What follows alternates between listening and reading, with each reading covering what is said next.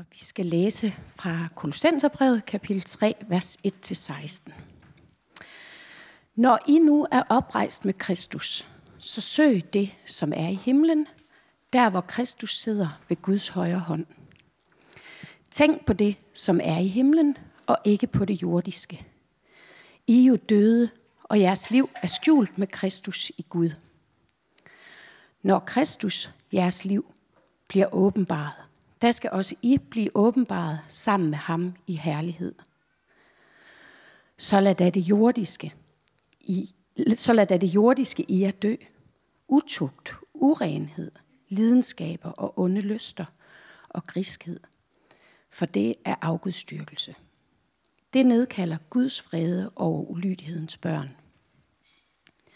Den slags hengav også I jer til, dengang I levede sådan. Men nu skal også I aflægge det alt sammen. Vrede, hissighed, ondskab, spot og skamløs snak i jeres mund. Lyv ikke for hinanden, for I har aflagt det gamle menneske med det skærninger, og iført jer det nye, som fornyes i sin skabers billede til at have erkendelse. Her kommer det ikke an på at være græker og jøde, omskåret og uomskåret, bar- barbar, skyde, træl, fri. Men Kristus er alt og i alle. I fører jeg da, som Guds udvalgte, hellige og elskede, inderlig barmhjertighed, godhed, ydmyghed, mildhed, tålmodighed. Bær over med hinanden og tilgiv hinanden, hvis den ene har noget at bebrejde den anden. Som Herren tilgav jer, skal I også gøre. Men over alt dette skal I iføre jer kærligheden, som er fuldkommenhedens bånd. Kristi fred skal råde jeres hjerter. Til den bliver jo kaldet som lemmer på et læme. Og vær taknemmelige. Lad Kristi ord bo i rigt mål hos jer. Undervis og forman med al visdom hinanden med salmer, hymner og åndelige sange. Syng med tak i jeres hjerte til Gud.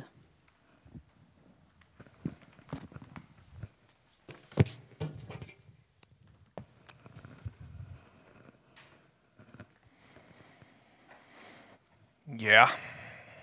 I mandags så sad jeg og, og læste ude i min baggård, og øh, så kommer der pludselig en p-vagt gående ind i baggården og stiller sig hen foran min bil. Der er sådan lidt en forhistorie her, fordi vi har haft sådan en, en, en længere øh, parkeringskrig med naboerne, som mener, at det kun er dem, der må parkere på den grund og så videre. Øh, det er to år siden, de havde egentlig trukket følehornen tilbage, og så har de sådan fået lov at få sådan en lille hjørne over bagved, som de kan få lov at lege parkeringsvagter på. Øh, det var ikke i det hjørne, min bil holdt. Så jeg, jeg sidder sådan lige, øh, faktisk derovre af, og skal sådan lige konfrontere min egen konfliktskyhed. Er det nemmere bare at klage bagefter, eller skal jeg gå hen og snakke med den her p-vagt, eller hvad skal jeg gøre? Øh, så jeg ender med at sige, okay, jeg, jeg, jeg tager mig sammen nu, går hen, tager en snak med ham, øh, spørger p-vagten, hvorfor, hvorfor tjekker du bilen her? Fordi det, det er faktisk øh, kun derover at de må det, og sådan nogle ting. Og han træder selvfølgelig lige et skridt tilbage. Man kan godt mærke, at der er sådan lidt brændt barn, øh, skyr ilden over ham. Øh, men forklarer også, at han så er ny i job, og han er stadig sådan lige ved at finde ud af det. Han synes også, det var mærkeligt, fordi det var nærmest kun biler, der holdt her, der skulle tjekkes. Øh, så øh, han var ved at ringe ind for lige at finde ud af, om det var noget, han måtte tjekke eller ej. Øh, jeg forklarer ham historien. Han får ringet og går over og tjekker det nye hjørne og øh, så videre. Så er der styr på det. Jeg når lige at fortælle ham, jeg har også læst, lige læst en artikel i Weekendavisen om p-vagter.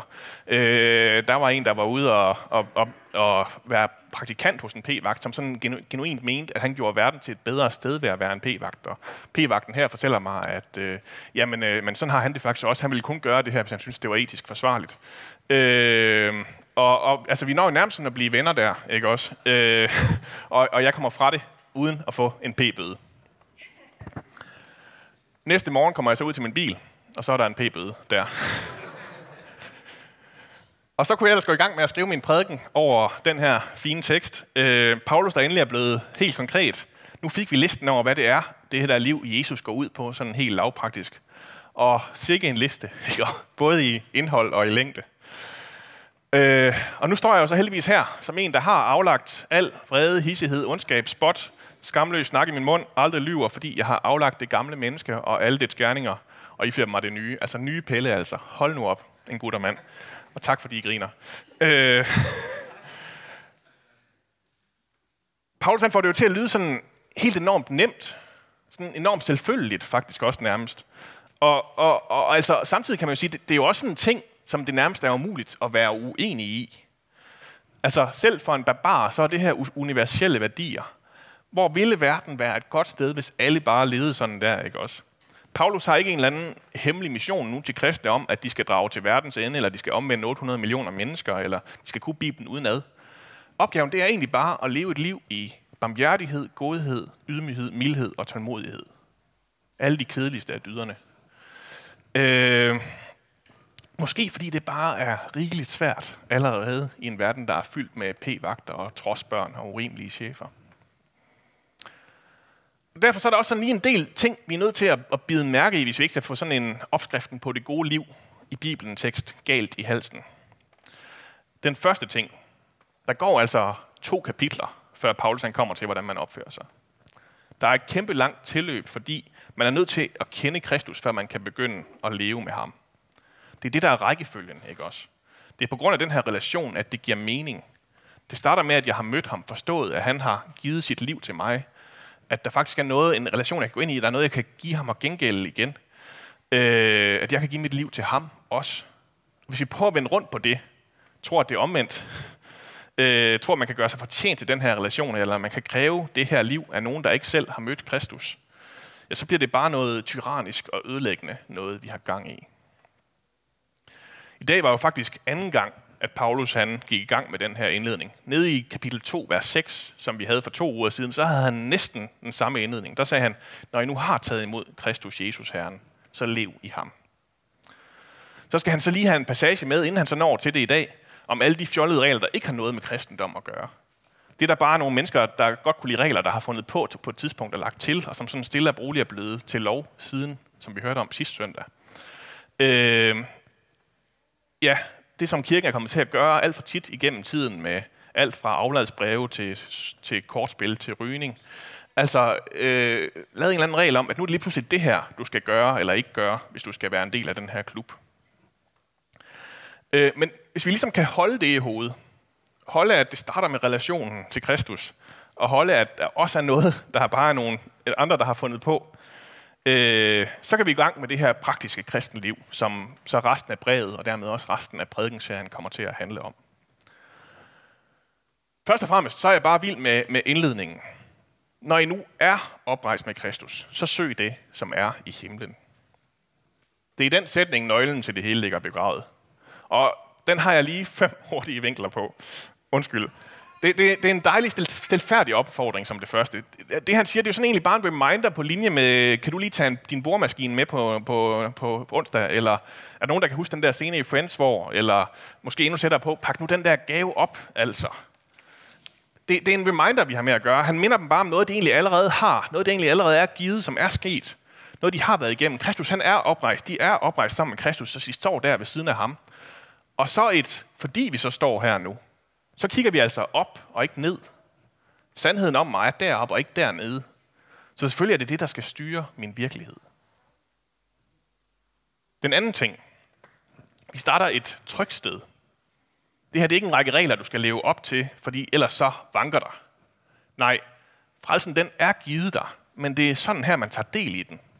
Du står der på en, en platform af noget, af Guds egen kærlighed, af at have verdens skaber i ryggen.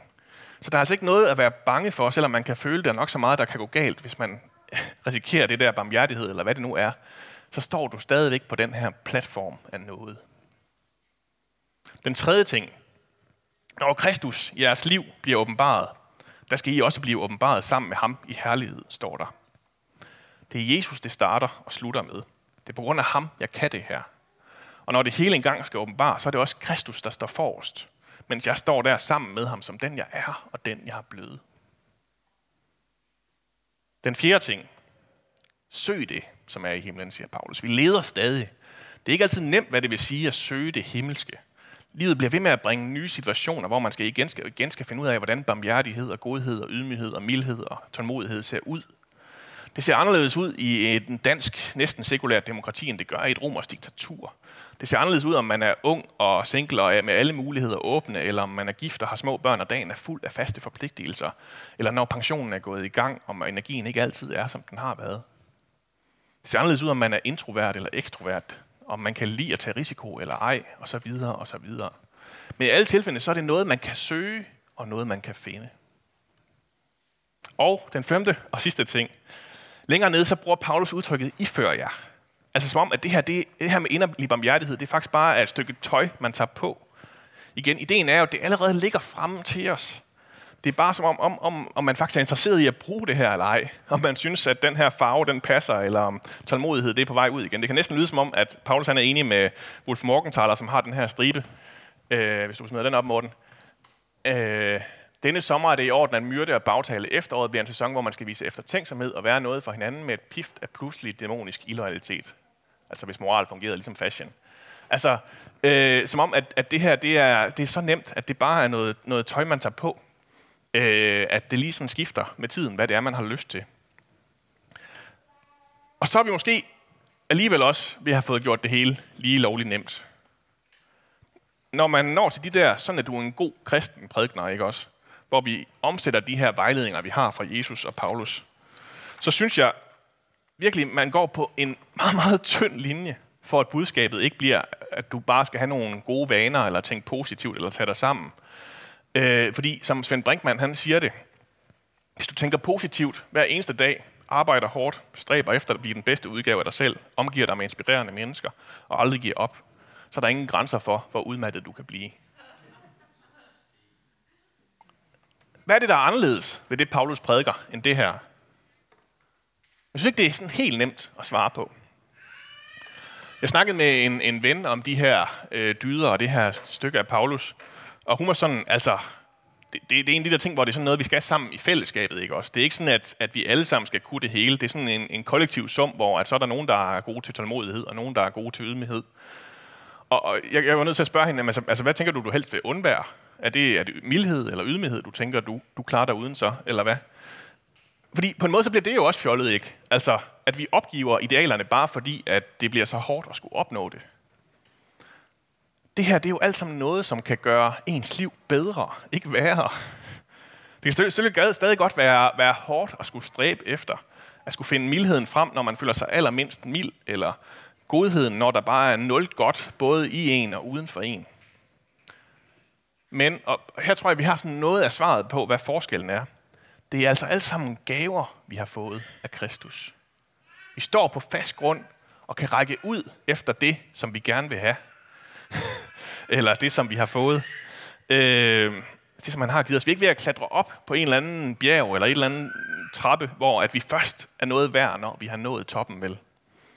Nej, faktisk er det sådan endnu mere ærgerligt end det, eller radikalt end det, fordi man starter forfra hver dag med at aflægge sig det gamle menneske og tage det nye på. At blive det, man allerede er. At få rejst sig op fra alt dønnet, fordi man faktisk er oprejst med Kristus. I den sidste del af afsnittet fra vers 13 og frem, så handler det faktisk mere om, hvordan vi så er sammen midt i alt det her. Når nu vi er så fede alle sammen. For Paulus han ved jo udmærket godt, at det er fælden her, at vi bare bliver selvfede. At det med at være god, mest af alt kommer til at handle om at være bedre end nogle andre. For det, for det er jo også sådan en mærkelig mekanisme, der er i det her. Vi vil meget gerne have nogen at definere os op imod. Dem, som vi i hvert fald ikke er. Igen har det været sådan en, en, en grundsygdom for kristne. En, der stikker så dybt, at vi har den sådan selv inden for vores egne kristendom og kirkeretninger.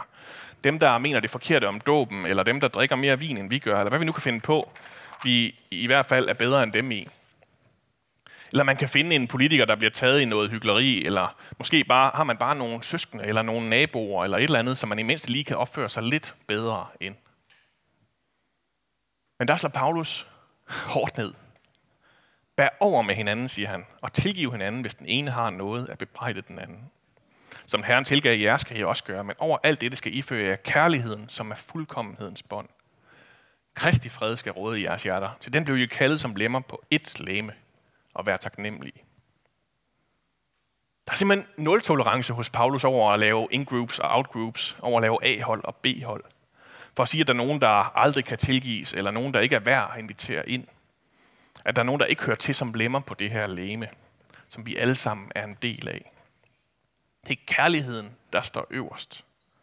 Det er der, man starter med at klæde sig selv på om morgenen med. Det er den, der er fuldkommenhedens bånd.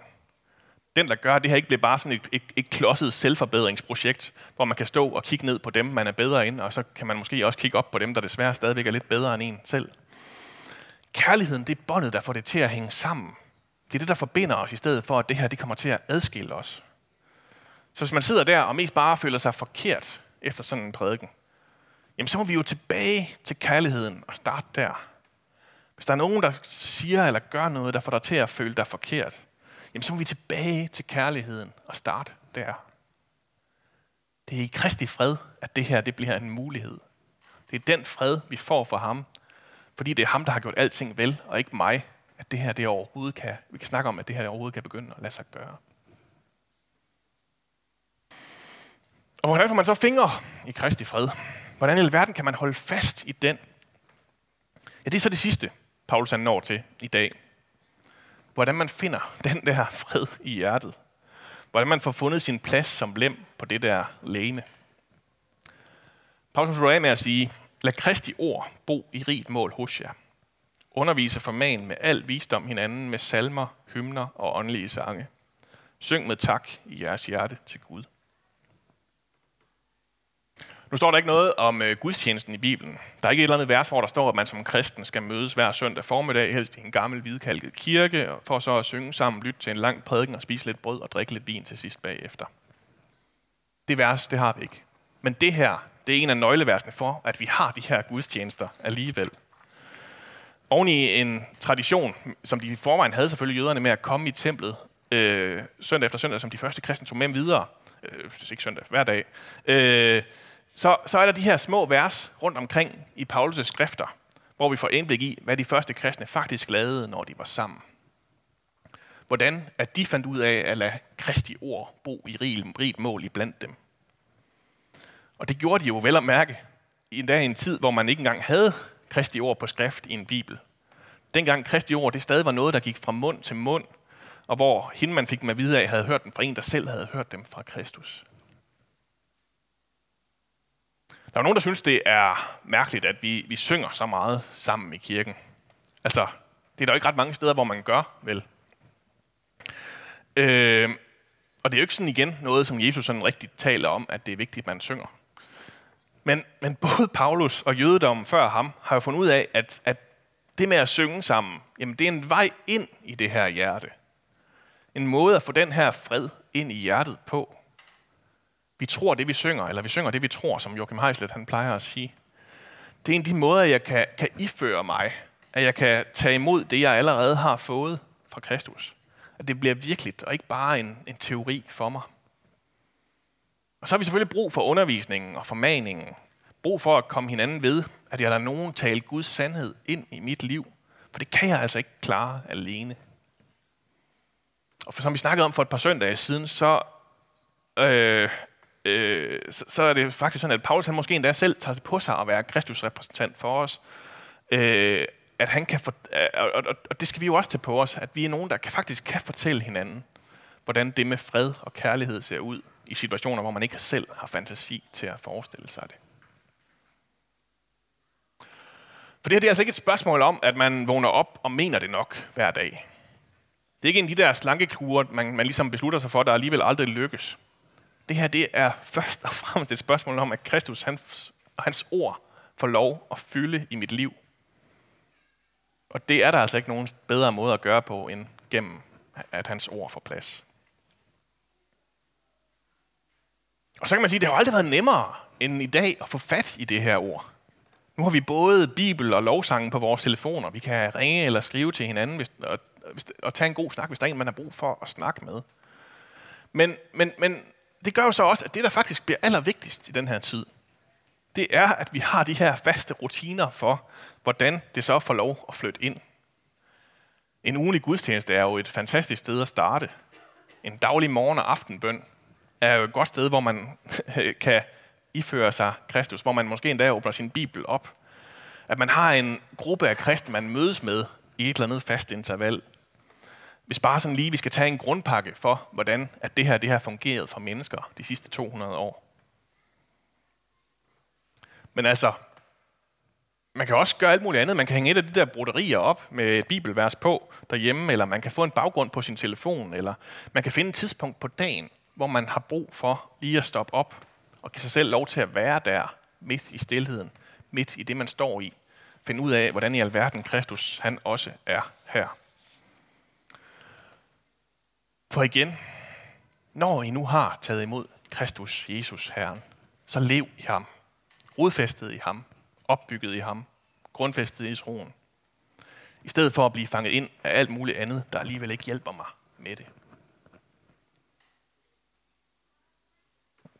Øhm, I får lige en, øhm, en fantastisk historie øh, til at slutte af på her fra den afdøde svenske biskop Bo Gjerts øh, fra hans bog Stengrunden. Øh, jeg kommer lige så fortælle den frit efter hukommelsen, så jeg beklager, hvis der er faktuelle unøjagtigheder.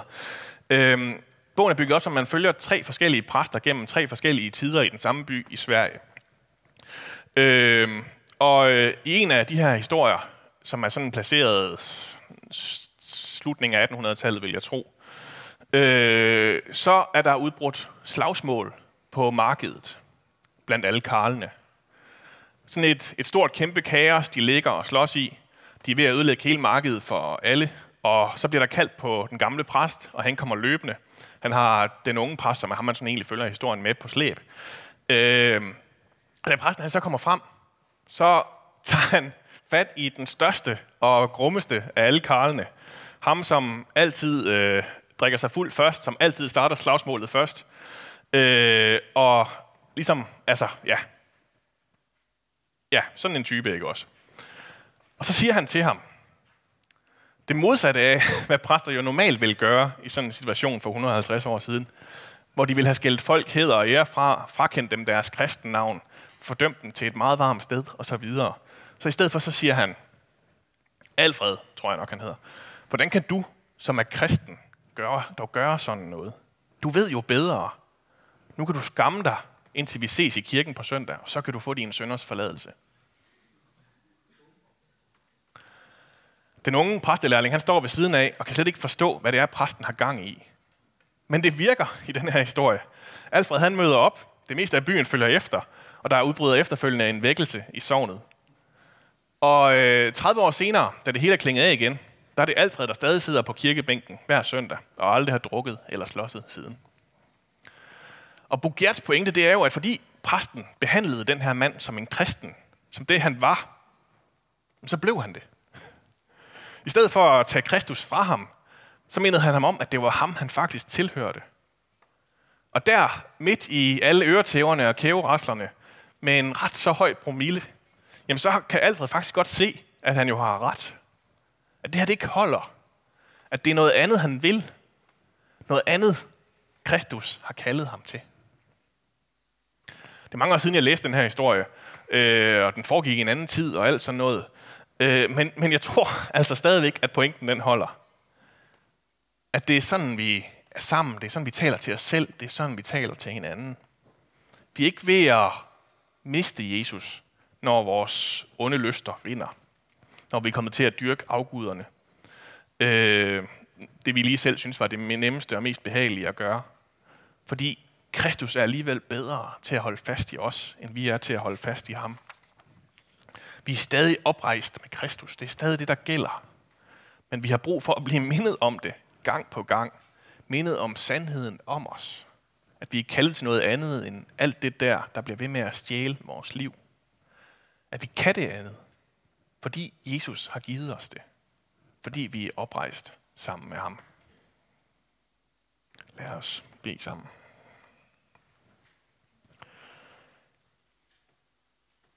Kristus, tak fordi, at du har oprejst os sammen med dig.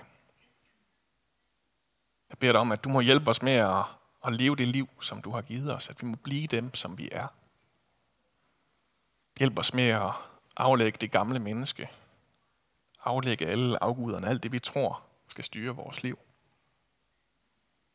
Og giv os i stedet dag efter dag og iføre os det, som du har givet os. Godhed, ydmyghed, mildhed, tålmodighed, inderlig barmhjertighed. Kærligheden, som er fuldkommenhedens bånd.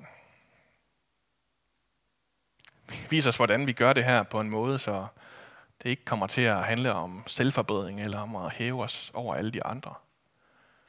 Men når det netop handler om at forbinde os med alle de andre. Og må du hjælpe os med at leve et liv, hvor dit ord får lov at fylde i blandt os, så vi bliver mindet om det her. Ja, vis os, hvad det er, vi skal gøre, hvad det er, vi skal gøre anderledes måske også i vores liv, for at det liv, det kan begynde. Tak fordi, at du er død og opstået for os. Amen.